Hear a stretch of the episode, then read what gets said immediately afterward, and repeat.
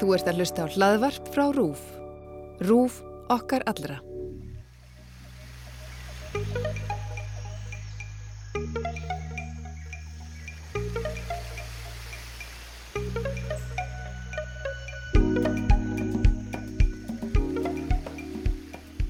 Húsnæðismál. Skuldastaða, sveitafélagan. Mikið fleiri eldrun á heimili. Samgöngumálur, það er svona brenn á manni. Sæl, kæri hlustandi, þú ert að hlusta á kostningahlaðavarp RÚF fyrir sveitastjórnarkostningarnar í vor sem ber nafnið X22. Ég heiti Holmfríður Dagni Fríðansdóttir. Ég heiti Yngvar Þór Björnsson. Og ég heiti Guðrún Haldanadóttir. En nú er bara rétt mánuður í kjördag. Já og við riðum á vaðið síðasta haust og byrjuðum með kostningahlaðavarp fyrir alagtingiskostningarnar og nú ætlum við að halda upptöknum hætti fyrir sveitastjórnarkostningarnar sem verða 14. mæ. Fram að kjördi munum við fara yfir kostningabartuna, fara hringin í kringum landið, tala við sérfræðinga og kjósendur sem við heyrðum einmitt frá hér á undan. Og kostningaumfjöldin Rú verður á sínum stað? Já, ottvita umræður verða víða um landar ás tvöm. Bjarni Pétur Jónsson sem er í kostningarreit stjórnar Rúf segir okkur nánar frá því í lok þáttarins. En við ætlum að byrja á tveimur af helstu sérfræðingum okkar í íslensku stjórnmálum.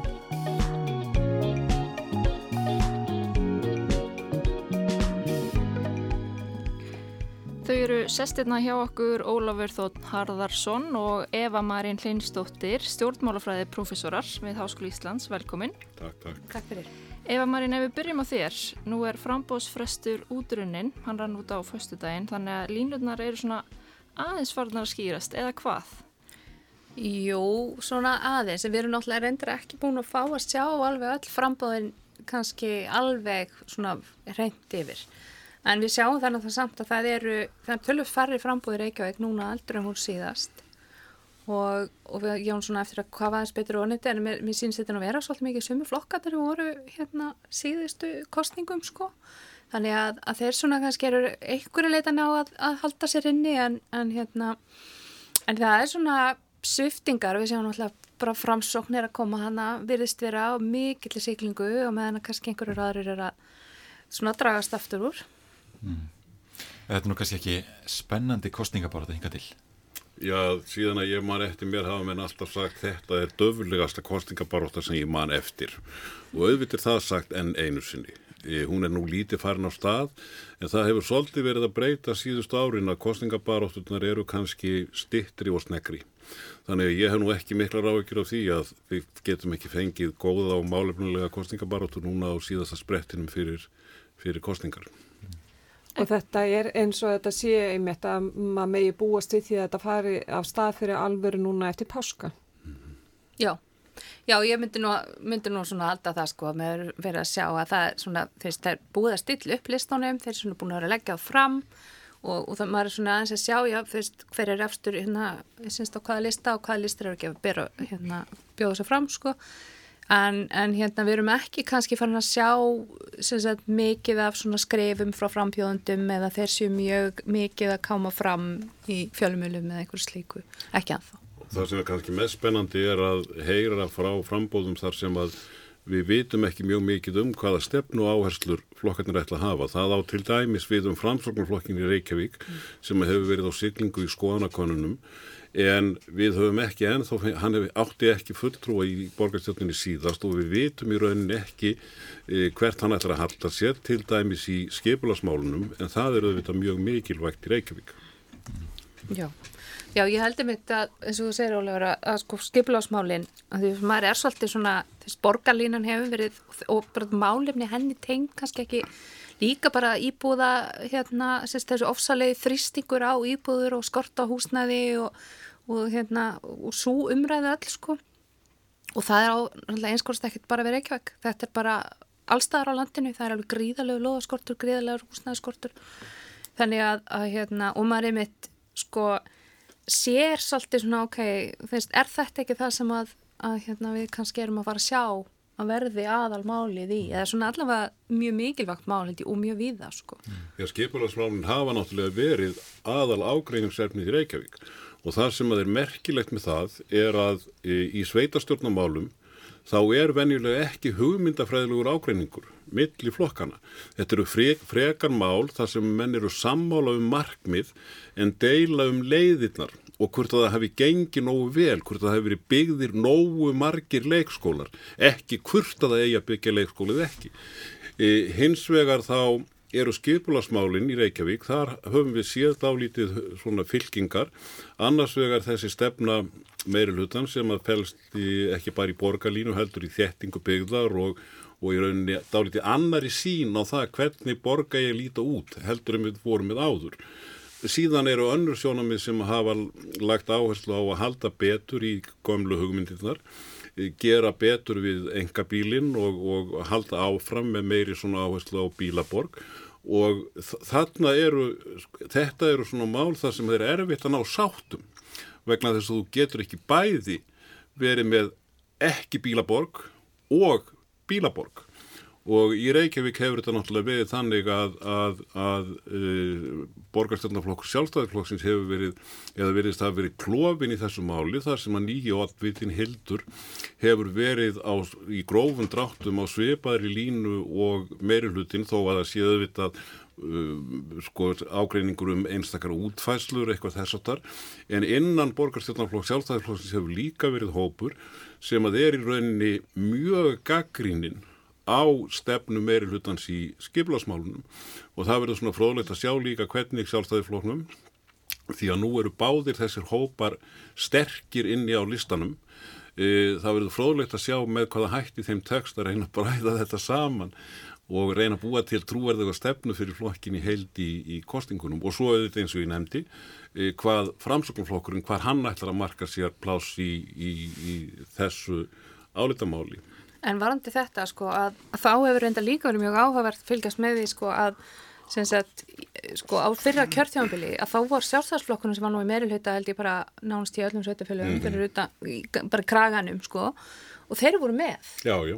Og, og þarna myndast sko í rauninni bara hérna, mjög ólíkir hópar og þess að anstæðar fylkingar í rauninni og maður hefur aðeins heyrt sko að það er einhverju hópar þarna mm. sem eru svona að stökka kannski vagnin að vera á móti borgarlinnu, sko, vilja bakka eitthvað tilbaka eða eitthvað og það var náttúrulega mjög áhugavert sem gerist hérna í, í sko prófkjörunni í Kópavóin til dæmis, mm. þar sem að það er sítjandi bæjarfulltrúi sem er hérna berjast um fórstusetti og tapar og fer síðan bara yfir í annan flokk. Já, já, þetta er mjög aðtilsvert, hún, hún Karin, hún tapaði prófkjörunu og fór, er núna oddviti miðflokksins í, í Kópavói hún hafði verið að færa sig mitt í þessa áttina og það eru fleiri svona rattir en almennt talað þá hef ég ekki séð annað heldur en að fórust að sjálfstæðarklóstin sér í nákvæmlega sveitafélagunum haldi bara við þá stefnu sem hafði verið mótuð. Og þetta sínur nú kannski frekar heldur en nokkuð annað sem ekki nýtt í íslenski pólitík að það er mikill munur á því að vera stjórn og stjórnar anstöðu. Þegar þú ert í stjórnar anstöðu getur leftir alls konar upplöp sem að hinn er ábyrgu einn ábyrgu flokksískinni þín í, í einum sveitafélagunum leifa sér ekki, svo maður skensist aðeins og þetta er, mér veist þetta bara þetta sínir okkur líka sko hvað hvað sveita stjórnumálin eru samt í eðli sínu málefni sko en ekki kannski flokkspolítik mm. það er ekki þannig að eins og maður sé kannski við annars styrir ellendis að það sem það er bara einhver flokkstefna sem bara kemur ofan og hún er bara henni bara fyllt allstaðar og, og hérna ég held að þetta er mitt séu góð endurspeglin á þessu sko. Já og það, sé, það er ekki, já sjálf það er alveg rétt sko að flokksægin milli sveitastjórna er miklu minni heldur enn í, í landsmálunum Við sjáum þá líka að einmitt eins og Páll Magnússon, hann býður sér fram fyrir hönd hálistans í eigum. Það er klopningsframbóð frá sjálfstæðsflokkanum fyrir heimæ, minnum með það heiti. Kom það óvart? Nei, já það kom kannski óvart að Páll færi fram, en hann er náttúrulega hættur á þingi. Hann hafði nú ekki verið hrest með það á þinginu þegar hann var efstur hjá sjálfstæðsflokkum í Suðurlandi að fá ekki ráðherrembætti og hann hafi verið, verið gaggríninn á flokkin þannig að hann hafi nú ekki verið, verið hérna einsti koppur í búri hjá flokksfórustinni. Hann hafi líka verið skammaður fyrir það í Vestmanægum fyrir að hafa stutt klopningsframbóðið fyrir heimaði í síðustu sveitastöndakostningum og það hefur, má vel vera að það hafi haft tölvirð áhrif og það að Pál hætti í þingframbóði núna, núna síðast. E, það, það hins vegar að hann fari beintin á listan e, núna, e, já það kemur kannski á óvart en þó, þó ekki. En þetta er eitt af því sem er ákvæmlega aðtiklisvert í þessum komandi kostningum, hvort að e, núverandi meiruluta með Írisi sem að bæjarstjóra sem að núna er í þriðja sæti á á uh, fyrir heima í listanum hvort að uh, núvegandi meirluta tekst að halda meirlutanum eða hvort að sjálfstæðarflokknum í eigin tekst að ná vopnum sínum og endur heimta meirlutan sem að sjálfstæðarflokkurinn hafði áratugum saman í Vesmaníum, eitt af hans sterkustu víum, þeir fóru stundum að fá 70% aðkvæða Já, þetta var, þetta var endar mjög áhugavert þarna fyrir síst kostningar þegar þetta gerist. Það gerist nú stundum sko að koma svona á kláknisframbóð en sko oftast hefur maður einhvern veginn upplegað þau renni tilbaka sko inn í móðurflokkin eða ef maður getur sagt sem svo að það verist ekki alltaf að gerast allavega ekki að svo stöldu. Vestmanægingar eru nú harskettir þegar þeir taka sér til.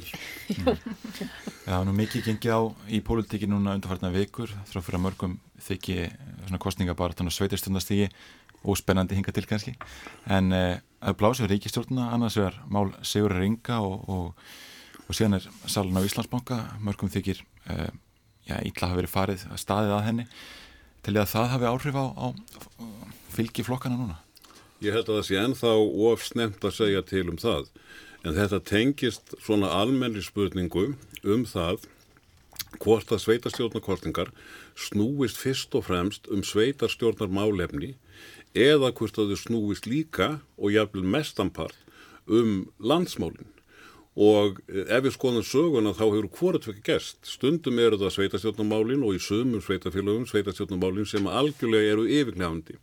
En við höfum líka ímistæmið um það að landsmálinn hafa eiginlega alveg kæft áherslun á sveitastjórnumál þegar litið er til úrslítana. Eh, dæmið um þetta eru til dæmi sveitastjórnukortinga 1978 þegar að ríkistjórnins þáverandi stóð mjög illa og það endur speiklaðist í, í sveitarstjórnarkostningunum sem að fóru fram sama árið, mánuð og undan og þar sem að meiri hluti sjálfstæðiflóksins í, í Reykjavík meðal annars fjell. Nú, e, annað dæmi er, er, eru sveitarstjórnarkostningarna 2010 þegar að, að þær kostningar snýrust eiginlega ekkert um sveitarstjórnarmálinn heldur snýrust þau um útbreyta gremju almennings með e, kerfið, með alla gömlu flokkana og í Reykjavík þá fengum við, fekk bestiflokkurinn e, e, meirinn þriðjung atkvæða, fáheirt alveg, ekki bara hér heldur eiginlega í veraldarsögunni. E, á Akureyri var í fyrsta skipti, var í fyrsta skipti þá korsin flokkur sem fekk hreinan meiri hluta og það var flokkur sem var utan uh, hins hefbundna uh, fjórflokks. Í Kópavogi fengur tvö ný frambóð um 25% atkvæðana og það sem er kannski uppáhaldstæmi mitt er úr Hafnafyrði 2010 þar sem að gamluflokkati fjórir einir buðu fram e, það skilaði sér í því að kjörsóknin í Hafnafyrði fór nýri 65% og af þeim sem mættu á kjörstað voru það heil 15% sem að skiluðu auðu eða gerðu ógilt. Venjulega er þessi tala 1, 2, 3% þannig að þarna voru menn greinilega að mæta á kjörstað til að láti ljós óanægju sína með uh, gömluflokkana þetta hafði ekkert með sveitastjórnarkostningar að gera. Þannig að við höfum sem sé ímis dæmið um það reyndar ennitt dæmið er það að, að sjálfstæðiflokkurinn var áratugum saman með meiri hluti Reykjavík venjulega var hann með í kringum 50% pluss mínus nokkur prósent. E, Þreysarsinnum fekk flokkurinn um 60% atkvæða í, í borgarstjórnarkostingum í Reykjavík. Það var 1958 þegar Gunnar Tóraðsson var borgarstjóri, það var 1974 þegar Birgir Íslefu Gunnarsson var borgarstjóri og 1990 þegar Davíð Ottsson var borgarstjóri.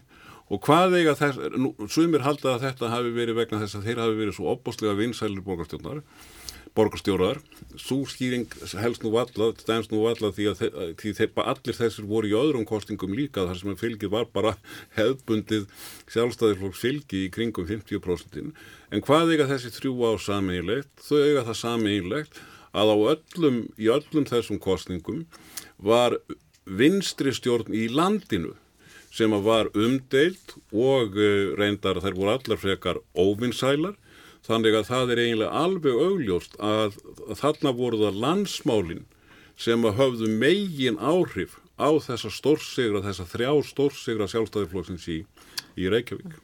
Það hefur þetta verið sínt á, sko, held að það hefur verið fram á því rannsóknum fyrir Gunnar Helga Kristinsinni, að það sé svona veikt samband sérstaklega við það að, að, hérna, að það sé verið að refsa uh, stjórnuflokkunum í sveitistjónumkostingum. Þú meina stjórnuflokkunum í landinu? Já, já, já stjórnuflokkunum í landsmálunum, þeim sé refsað ef, ef þeir eru hérna ekki að standa sig þá, eins og þú ert Já, það, það er í rauninni sko, það er eh, hérna, eh, alveg rétt sko, það er almenna reglan að ef við skoðum sem sé langt tímabil og allar sveitastjórnir að þá er einit, eina tilneyingi sem að þú sér er að það er frekar að ríkistjórnarflokkar tapi en það er ekki mikil. Nei. Dæmin sem ég var að nefna voru hins vegar ekki um það algenga Mm -hmm. Það var um það hvað getur gerst í þeim tilvikum þar sem landsmálinn hafa raunverulega mjög mikil áhrif. En er þessi mál þess eðlis að þau smitist yfir í, í svetisjónakostninga? Það...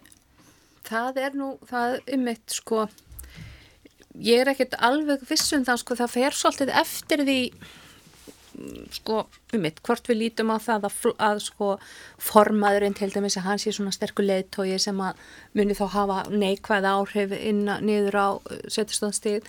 Ég er ekkert alveg sannfærð um að, að sagt, ef að ekkert annað gerast á næstu vikum að þá held, er ég ekki vissum að þetta muni skada þau neitt sko.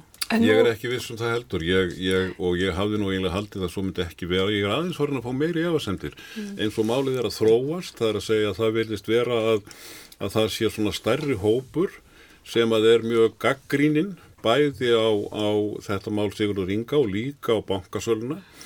Og þá er náttúrulega spurningin bara þessi verð, nógu, verður nógu mikið af kjósendum sjálfstæðiflóksins og framsökumflóksins og vinstri græna nógu reið út af þessum málum til þess að þau séu tilbúin til að kjósa ekki sína flokka mm -hmm. í sveitarstofnkostningunum og ég held að það sé ennþá opin möguleiki þó að líkvölda séu kannski minn en meiri en það verður mjög fróðilegt að sjá einmitt næstu kannanir sem að munu gefa vísbendingum það hvort að þessi mál, þessi tvö óhefilegu mál fyrir ríkisátaflokkana hvort að þau muni eitthvað smita út frá sér í sveitarstofnkostningunum. Já, eins og við vorum að tala hérna um Pál Magnússon, nú skrifar hann fæslu á Facebook um síðustu helgi þar sem að hann er í rauninni að tala um þessa sölu í Íslandsbanka og þetta er rauninni beinir kannski spjótanum að formanni sjálfstæðisflokksins, fjármálar á þeirra. Já, já, hann er náttúrulega þarna greinilega sko gaggrina flokkin og nú ef við tölum aftur um það sem við rættum áðan sko, hann er náttúrulega í frambóði fyrir klokningsframbóð þannig að, að þarna er hann að gaggrina sinn hérna, fyrrum flokk sko, þannig að það er svona eitt dæmið. En, en sko ef við það, það er ákveðin tilneyingsamt í mörgum sveitafélögum að kjósa fólk mm -hmm. eða málefni. Og, og hérna og það er einmitt, þetta er spurningin sko verðaðu nóg reið til þess að kjósa einhvert sem þeim í rauninni líkar ekki við, bara til þess að refsa sko hérna sko flokksfórustinu á, á, á lands hérna sagt, sviðinu og ég er ekki eins og ég segja að það er svo stöldu þá held ég að þetta sé svona þetta sé spurning og ég er ekkert alveg samfærið um að það muni gerast sko. Nei, þetta skipt að þarna er kannski líka mikil munur á sveitafélagum þannig að ef við fáum þessi sé, landsáhrif mm. þá er líklegast að þau verði í Reykjavík og í stæstu sveitafélagunum frekar heldur en í minni sveitafélagum út um út um allt land. Varðandi hins vegar eh, sem sé gaggrinni Páls Magnússonar þá er nú enn aðtilsverðara að einn af ráðherrum ríkistjórnarluna Lilja Alfredsdóttir undirstrykar það að það séu stjórnmálamenn sem beri megin ábyrð á uh, bankasölunni. Og með því er hún minnstakosti að, að, að, að högva ansi nærri uh, félaga sínum Bjarnar Bendiksinni Þannig að hvernig þetta þró, þróast líka innan ríkistjórnarinnar, millir ríkistjórnarflokkana, það er, verður mjög aðtilsvert.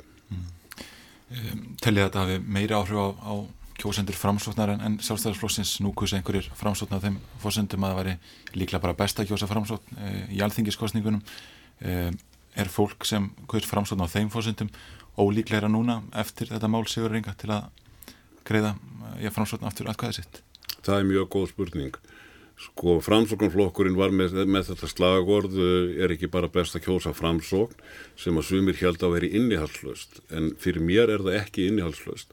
Það var í rauninni skilaboð um að framsóknarflokkurinn væri svona tröstur, miðjuflokkur sem að væri ekkit að ana út í hennir vittleysur og svona, svona heldi bara sjó Og, og þetta er málefnilegt innlegg í rauninu þú ert að gefa mynd af þér sem, sem að, sem að auðvitað ímsuleiti passar ágjörlega við framskjumflokkin framskjumflokkurinn í þingkostningunum setti líka klárlega upp vinstra brós það var lögð áhersla á það að það ætti til dæmis að hækka skatta á þá sem að væru væru hérna tekju hæstir Ásmundur Einar var augljóslega með klárar vinstri, vinstri áherslur sem skiluðu sér svo ekkit endilega inn í, inn í stjórnarsáttmálan en uh, þetta mál Sigurðar Inga það kann vel að hafa áhrif meiri áhrif á þá kjórsendur sem að hópuðust að framsóknarflokknum í síðustu kostningum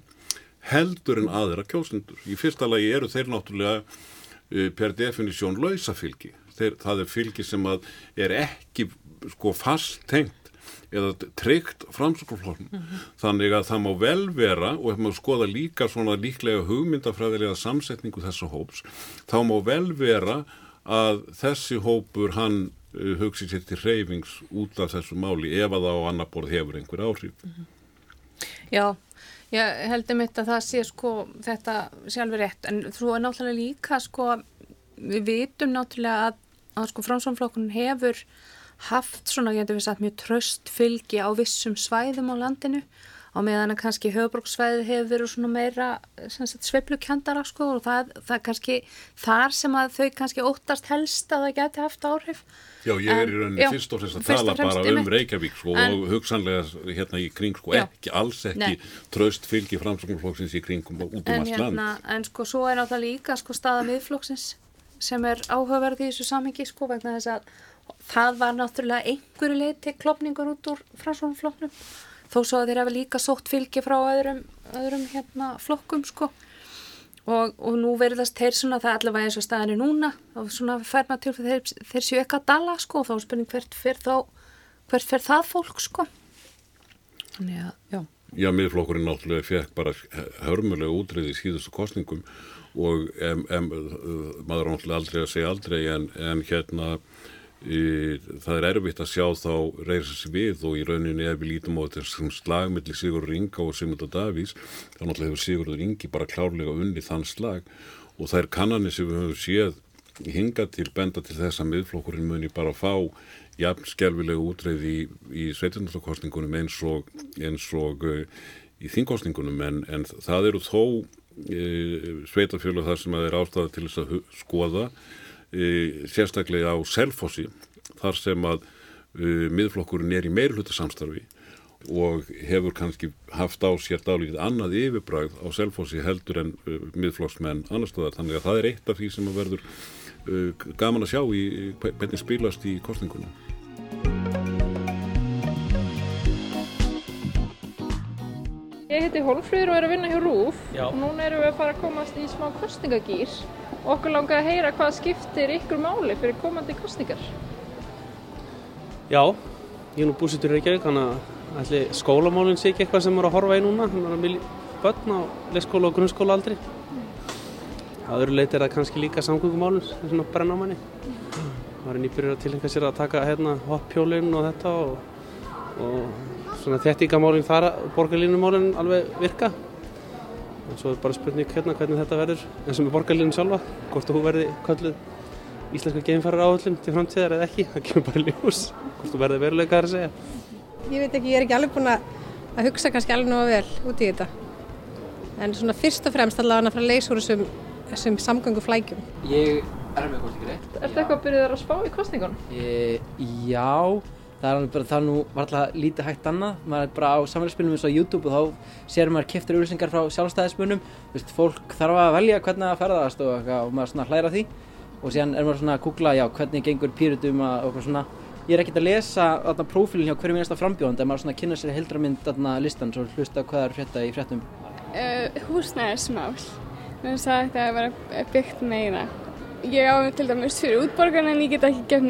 það Það, er ekki, þú veist, frambáð. Það er mikið frambáð íbúð. Hvað skiptir þið máli? Þú veist, ég bara hlusta alveg hvernig fólk talar um húsnæðismál, þú veist, það sem ég skiptir máli er bara fólk komist í hús. Það er skuldastaða, sveitafélagin. Ég bara, mér finnst að hún bara eh, skulda á mikið sveitafélagin yfir höfuð. Mentun held ég að setja það í forgang. Leikskólaplás, skólaplás, nýja byggingar. Fleiri öldrunarheimili. Já. Mikið fleiri öldrunarheimili, ekki alltaf að vera ít á fólki að sagt, uh, vera lengur heima hjá sér. Þannig að vantar meiri plás fyrir öldrunar fólk og það er ekki allir aðstæð til að hafa fólki sitt heima og þess að þar. Og leikskólaplásin er alveg heiklust, það er alveg bara stopp þar sko. Það var líka mikil umræðum helginu um nýju kostningalögin. Sumir kjörstjórnamenn sem fréttastofa rætti við um helgina ganga svo langt að segja að þessar nýju reglur seti undirbúning kostningana í uppnám. Er það svo? Já og nei. Sko ég held nú reyndar að, formi, að forminu til þá séu hérna kjörstjórnunar í tiltulega föstum skorðum og þetta sé nú svona allt saman kannski muni, muni ganga upp. En það breytir því ekki að það, verða, það verðist vera sem að fólk hafi ekki átta sig á í rauninni hvaða afleðingar þessi breytingar eða þessi útvíkun á hæfisreglunum hefði. Og, og, og það svona verðist ekki vera bara fyrir bara núna rauninni rétt fyrir áður en að listum er skilið inn þá fer maður að heyra, heyra þessu umfjöllun. Og, og þá er það myndið spurningin sko semst að auðvitað náttúrulega er það þannig að, að hérna, hæfisreglunar þær eru þær hafa eflustu hugmyndin og bakverði hefur náttúrulega verið svo að styrkja semst bara fagmennsku og, og hérna og svona sérst framkvæmt kostningana og hafa þær þá líka meiri takti til með þess að hefðis reglu stjórnsýslulagana á meðan að hefðis reglu sveitstjórnarlagana eru sagt, ekki jafn viðar þær eru aðeins hérna ná ekki yfir aðeins mikið stóran hóp. En, en sko það sem kannski er hættan að geti gerst er að, að vegna þess að þetta ákvæði það átti að við held að trösta framkvæmt kostningana, fagmennsku og ásind kostningana. Þú veist að hún sé að hafa henni yfir allan vafa og ef við ætlum að fara að reynsa út úr kjör, kjörstjórnum kannski í stórum mæli víðum land og, þó, og þá er það, þá getur það verið svolítið hættulegt vegna þess að fólku upplifir að kannski að þeir sem eru í kjörstjórnir viti ekki alveg hafi kannski ekki haft nægan tíma til þess að undirbúa sig og, og það getur verið tölvört mála að koma kannski bara, ég vel helmingur í kjörstjórnir eða allir ég vel inn í, inn í hérna og, og, og þetta mun þurfa að fara raun í gegnum fyrir hverja einstu kostningar á meðan að þessi hópur hefur verið til til að stöðu og sko. Þetta er ekkert verið mik mikla róteringar í þessu sko. En, en hérna þannig að það er svona spurning sko fyrst að, að sko við þurfum kannski með þetta að horfa á bara hvað af því að ástæðan fyrir því til dæmis að hæfisreglunar eru hafðar öðruvísi í sveitstofnlögunum það var náttúrulega hlutu til það það var eiginlega hort á þetta sagt þetta eru bara smá reyningar og þá munum við að valda miklu vandræðum. Og þá er þetta spurningi um sko þurfum við eitthvað aðeins að horfa á það hvernig við erum að, að hérna, útfæra þetta í sveitfélagum reyndar heyrði ég nú því fleikt að var hérna einu litlu sveitafélag þeir, lög, þeir voru svona með, gandast með það þeir ættu kannski bara að spýta á kjörstjórn við nágrannsveitafélag en það væri kannski lösnin á þessu andumar Já það hefur reynda hvarta að mér í þessu, í þessu máli að að núna eru, eru þurfa kjörstjórnamenn að vera úr þeirri einingu sem verið þeirra kjós í.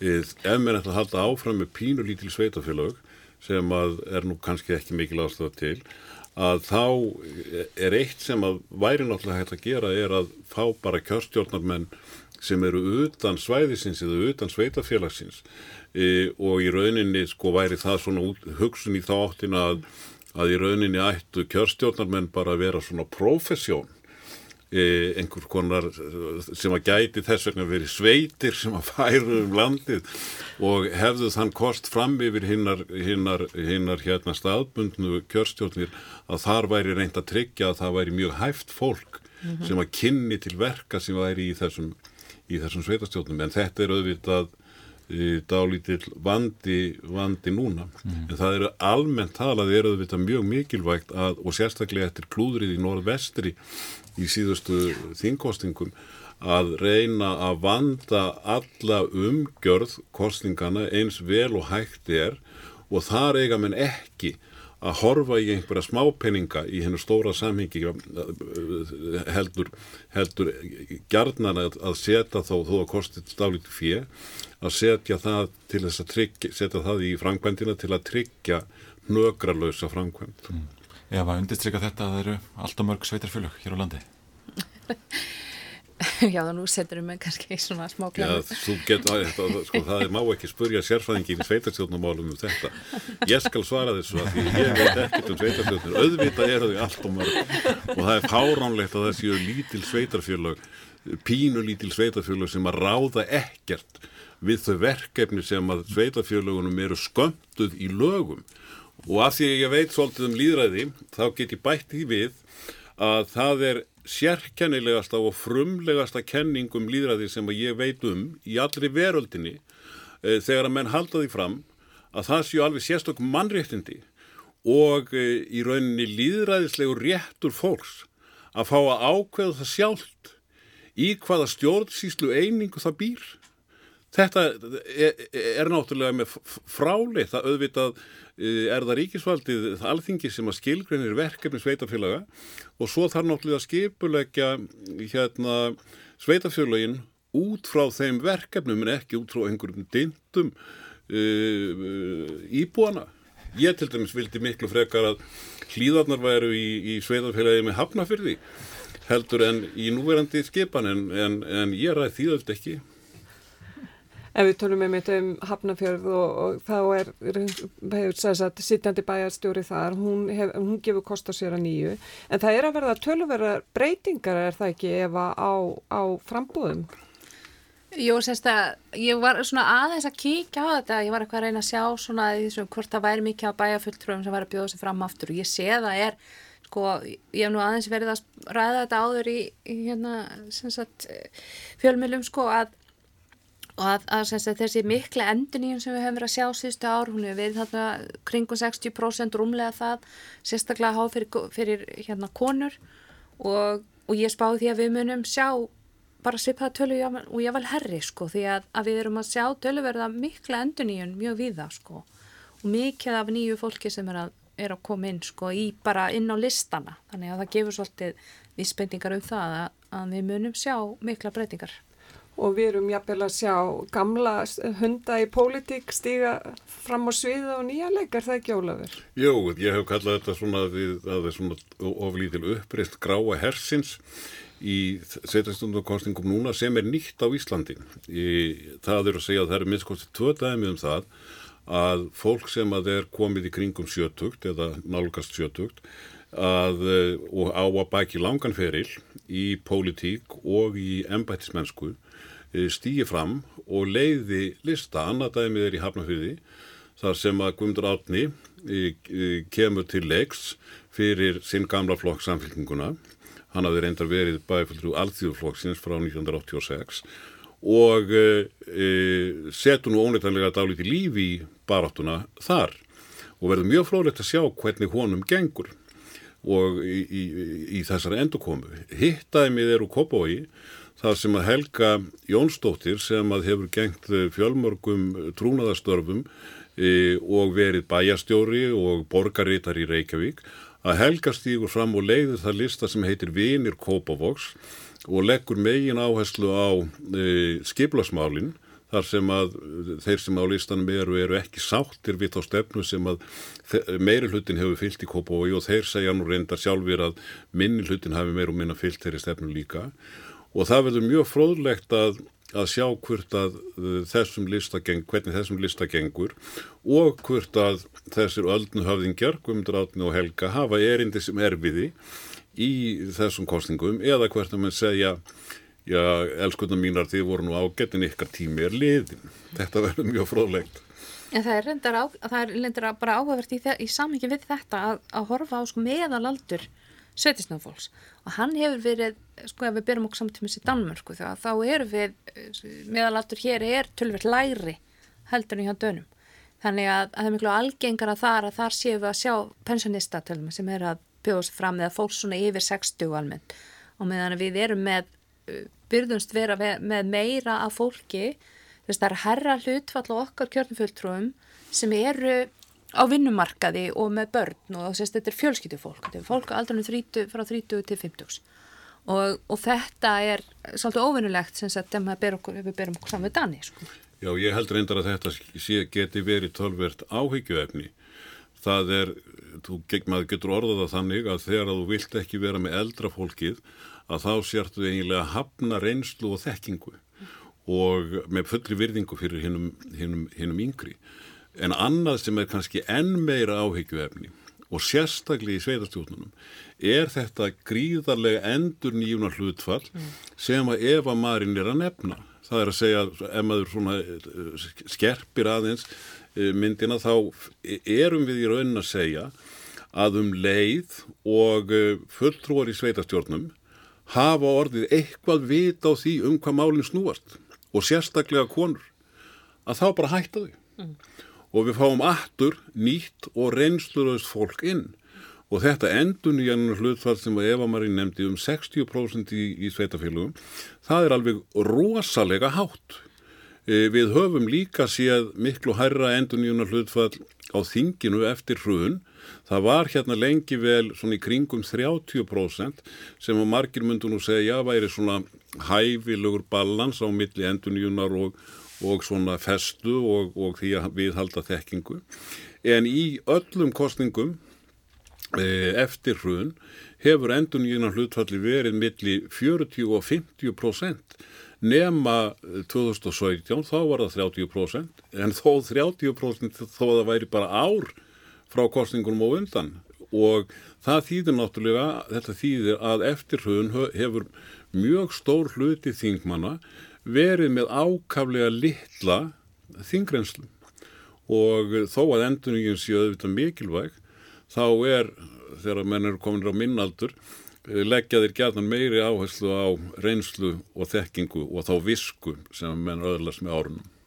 Já, þetta er líka bara spurningum svolítið jafnvægi í sko og tala ekki um ef við hugsa með um sveitafélaginu sko, sem eru, þau eru bara mjög mikilvægur rekstraræðili fyrir þjónustu í nærsafélaginu og, og ef við erum að skipta út stjórninni á fjörur og fresti bara nánast í komplekt sko, það, það er mjög hátt. Og þegar við, síðan, þegar við bætum síðan stöðu framkvæmtastjórnans við það sem er mjög algengt að sé allt um betur helmingur sveitafélaga sem að ráði sér nýjan bæjastjóra eftir, eftir hérna kostningar og ég hef séð sko núna minni mig að ég hef séð, ég hef skoðað hlutfallið á þessu kjörtjumbili, ég held ég sé að fara rétt með en það er svona kringum 20-25% sem að sem sagt, sveitafélaga sem skipti um framkvæmdastjóra á kjörtjumbilinu núna sem, er, sem er, er í gangi núna þá hefur við eftir að skoða breytingarna sem verða eftir kostningar í vor.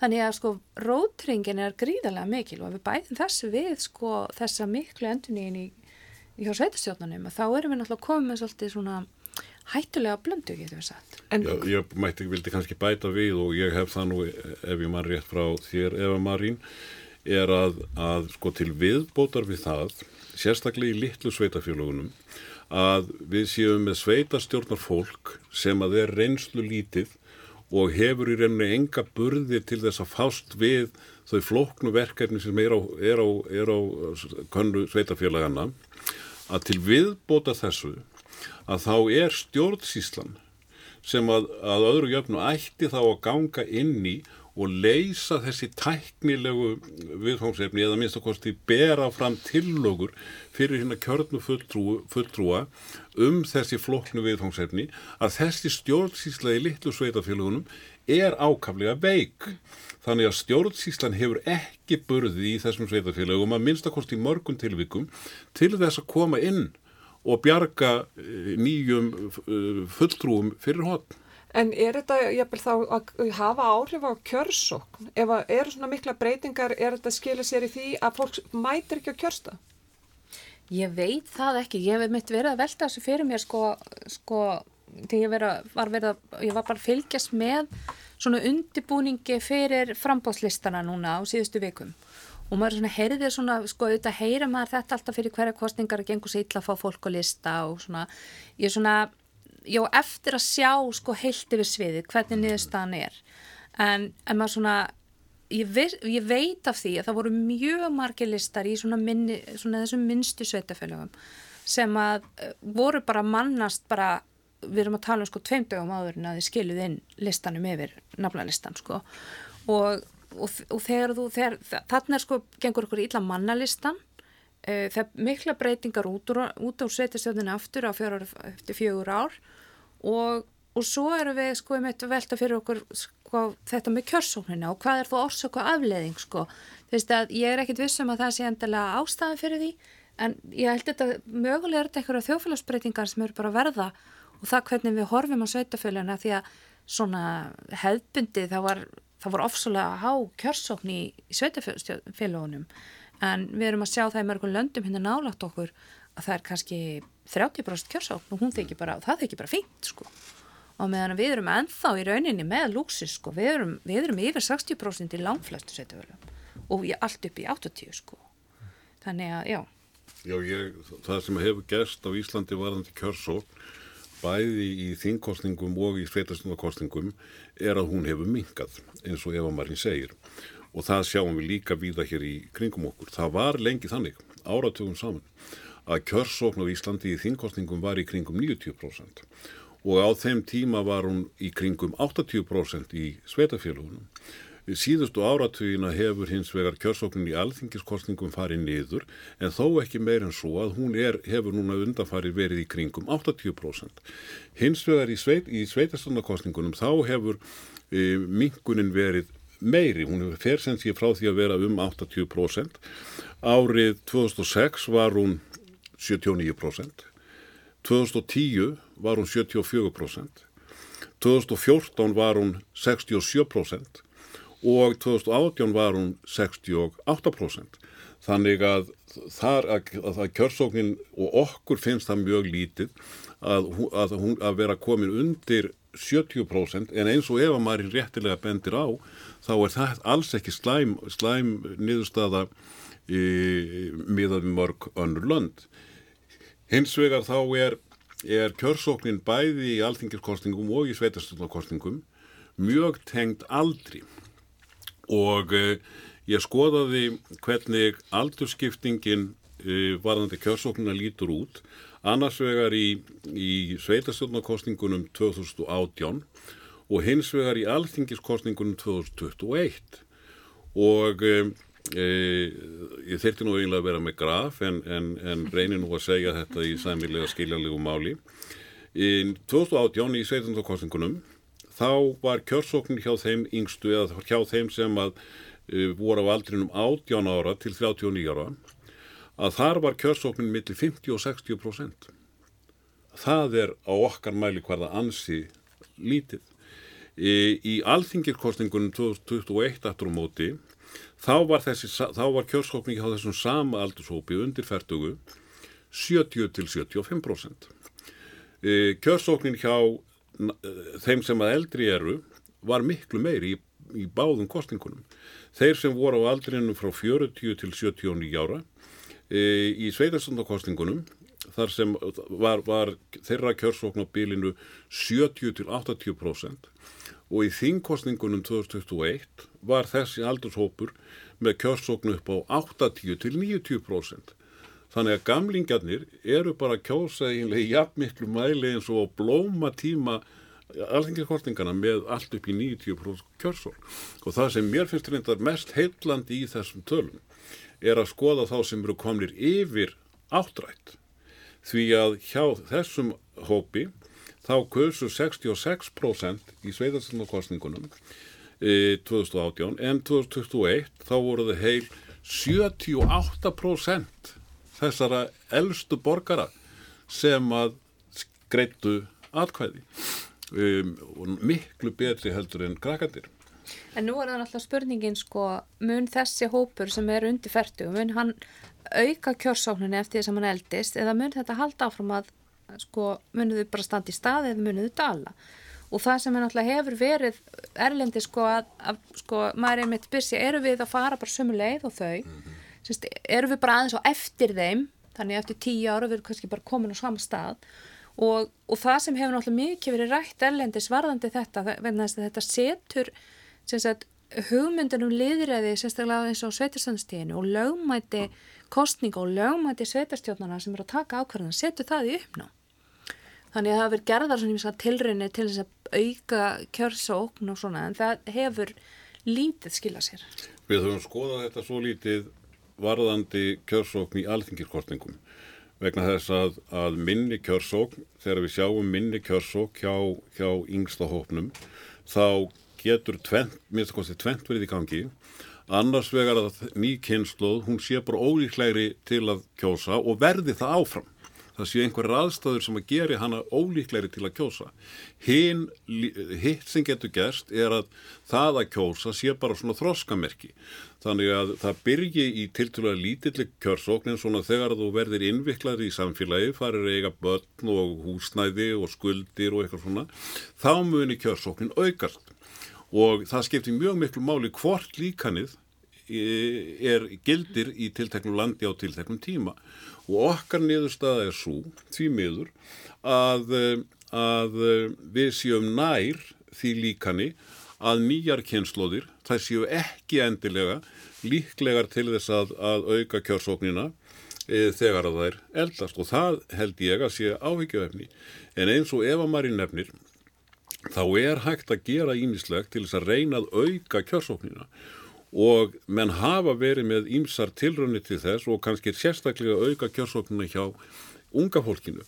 Og hér til dæmis hafa, er frá síðustu undanförnum árum þá sjáum við til dæmis átaka eins og með skuggakostningar krakka og ung, ungmenna sem eru hugsaðar til þess að reyna að draga krakkana inn í hefði líðræðislega kerfi Nú, fleira sem hægt er að nefna er að það rannsóknir sína náttúrulega að eitt af því sem skiptir gríðarlegu máli og varðandi kjörsókn er að það sé auðvelt að kjósa og til að mynda að utan kjöstaðar atkvaða greiðsla sé auðvelt og hún hefur reyndar verið til fyrirmyndar á Íslandi svona mestanpart lengi. Annað sem menn geta gert og hafa til dæmis gert í Danmörku og er heimilað í nýjum kostningalögum er að vera með það sem heitir reyfanlegir kjörstaðir. Og uh, þá væntanlega aðalega fyrir utankjörfundaða aðkvæðagreðslu og það getur til dæmis bara þýtt það að þú getur verið með uh, sé, kjörstaði í strætó og kert strætóin inn á háskólasvæði inn á byggingarsvæði þar sem að þeir til dæmis mikið af, af uh, erlendum verkamönnum ef þeir hafa, eða, ef þeir, ef þeir hafa kostningar rétt og þar hann mætti götunum. Það er sem sé ímislegt hægt að gera til þess að reyna að auka kjörsókninu og ég held að það sé mikilvægt. Það má einmitt líka kannski bara taka þetta með erlendu verkamenninu að ef ég man rétt að þá var einmitt lagsta kjörsóknin 2018, hún var í Reykjanesbæ. Já. Ég held að það sé rétt muna hjá mér sko, hún var eitthvað um 56% cirka og, og það er náttúrulega gríðarlega hátt hlutfall af innflytjendum sko. mm. og, og það er einmitt líka þetta sem að ég held að sé eitthvað sem að við þurfum að fara að taka á ásættisjóðumsteginu og það er bara hvernig ætlum við að taka þessa nýju Íslendinga og draga þá inn í þetta kerf okkar Vist, á hvaða hátt getum við gert það vegna þess að við getum vel ekki litið fram hjá því að þetta er orðið það hátt hlutfall á okkar íbúum og við getum ekki bara látið þess að við séu ekki alltaf Því miður þá er tímin að hlaupa frá okkur. Við vonum auðvitað að fólk flikkist á kjörstað eh, en verður þetta spennandi kostningar? Hvað heldur þið? Ég held að allar kostningar eru spennandi. Já, það eru nú aðeins mjög spennandi.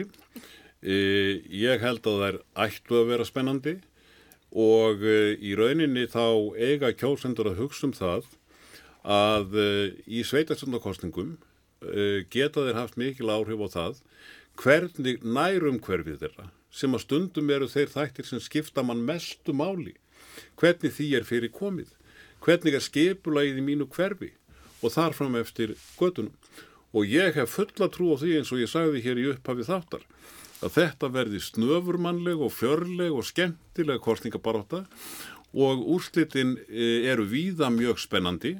Þau eru náttúrulega alveg sérstaklega spennandi hér í Reykjavík þar sem að ímislegt viðist geta gerst. En það er eins og við höfum svolítið nefnt eru líka mjög spennandi kostingar í mörgum sveitafjölugum út um allt land þó að spennan verði kannski mest í árnesreppi Kæra þakkir fyrir komuna Ólafur Þórn Harðarsson og Eva Marín Lindstóttir.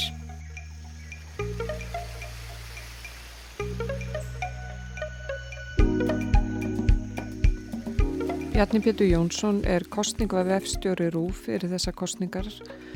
Hvernig verður kostninga um fjöldun RÚF hátta nú fyrir sveitastöðnarkostningarnar? Sko, hún verður í fyrsta lagi mjög fjölbreytt. Við ætlum að vera með marga nýjungar. Það er nýjungar eins og vennilega, við reynum þannig alltaf að aðeins að prófa eitthvað nýtt. Þetta er að fara í gang núna fyrir páska og fer svona áfullt eftir páska. Við ætlum að vera með oddvita umræður í rúmlega tíu sveitafélögum og ætlum í fyrsta sinn að vera með þær í mynd. Það verði í útvarpinu og klukkan 6 á hverjum degi og svo verða þær í, í, í mynd á vefnum og þessir þættir fara á stað bara strax eftir páska, 20. apríl og, og, og þá svona í framhaldinum og gera ráð fyrir því að fara allt og fulltja okkur kostninga vefurum fyrir á stað og, og þar verða þetta aðgengilegar allar þessar helstu upplýsingar hvernig umfjöllunin verður og já, svona upp úr ef ekki segja miðugudag fymtudag í næstu viku og þá verður við komin alveg fullt. Og það eru allir miðlar rúf nýttir undir kostningabaráttuna?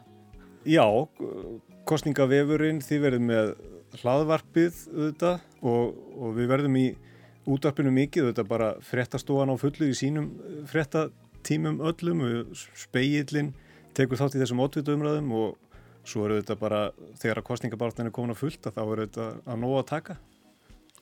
En hvað með kostningaprófið vinsala? Já, núna svona síðustu ár höfum við verið í samstarfi við finnst fyrirtæki sem heitir Seffi sem er með svakalega flott flottan grunn fyrir svona próf þar sem getur, við setjum inn 20-30 spurningar, sendum öllum frambjöðundum, tíu efstu á lista kannski og hérna og þar getur þú séð, í rauninni þá sér þú þau svör sem að frambjöðundin gefur og þá getur þú svarað eftir því sem að þér finnst og getur svona speklað í hverjum og einum hverjum þú er mesta samleið með hvaða flokki og, og þetta er þetta bara til gamanskert en, en þetta gefur svona skemmtilega myndaði hvað hérna með hverjum þú herst samleið. Og hvenar eru við vonað að þetta fer í loftið? Þetta fer í loftið. Nún eru sko frambóðslistarnir að koma aðeins setna heldur við gerum ráð fyrir. Þannig að það senkar okkur aðeins. En þetta verður uh, fljóðl eða upp úr mánamótum, skulum við segja, um mánamótin. Og kvöldi fyrir kjördag, það er nú alltaf skemmtilegt að fylgjast með í sjónvarpi þá. Verða, verða umræður í sjónvarpi? Já, við ætlum að vera með oddvitana í Reykjavík í sérstökum þætti kvöldi fyrir kjördag og þá hefur auðvitað, við verðum kastljósi verðum með sína umfjöldlur sem hefst í byrjun mæ og það verið að tekinn fyrir svona helstu málefnin sem eru auðvitað fjölmörg og auðvitað mismunandi eftir bara hvaða, hvaða svæði við erum á hverju sinni en þarna kvöldu fyrir kjöfta þá tökum við Reykjavík fyrir og þá er nú spennan orðin, orðin, orðin mikil. Akkurat og kostningavakan verður hún á sínum stað? Já, þetta verður auðvitað heilmikið sjónvarsæfindýri þetta, þetta kvöld því að við komum bara beint í framhaldun á Eurovision og við erum svona tóltið bara að þræða það saman núna hvernig við ætlum að, að taka við af Eurovision fjörinu og keira okkur í gangi inn í, inn í kostningavökunna sjálfa. Þar eru marga nýjungar líka, við verðum með nýja kostningagrafík sem að ég hlakka mikið til að sína fólki þar sem að hérna þessum að þulurinn verður rauninni bara með gagvirt kort fyrir aftar sig, við getum farið inn á hvert sveitafélag fyrir sig, séð nýjust úrslitt þar, úrslitt síðustu kostninga og, og þetta verður líka á, á vefnum, þetta kort, gagvirt kort, þar sem fólk getur kemst í rauninni í allar þær upplýsingar sem að, sem að fólk getur ímynda sér og þetta eigða góður í kvöldstundi að tveimur í að flakka þar á meil. Takk kærlega fyrir þetta Bjarni Pétur Jónsson.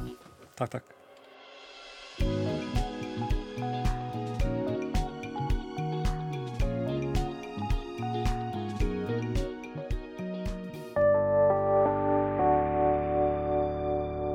Rúf okkar allra.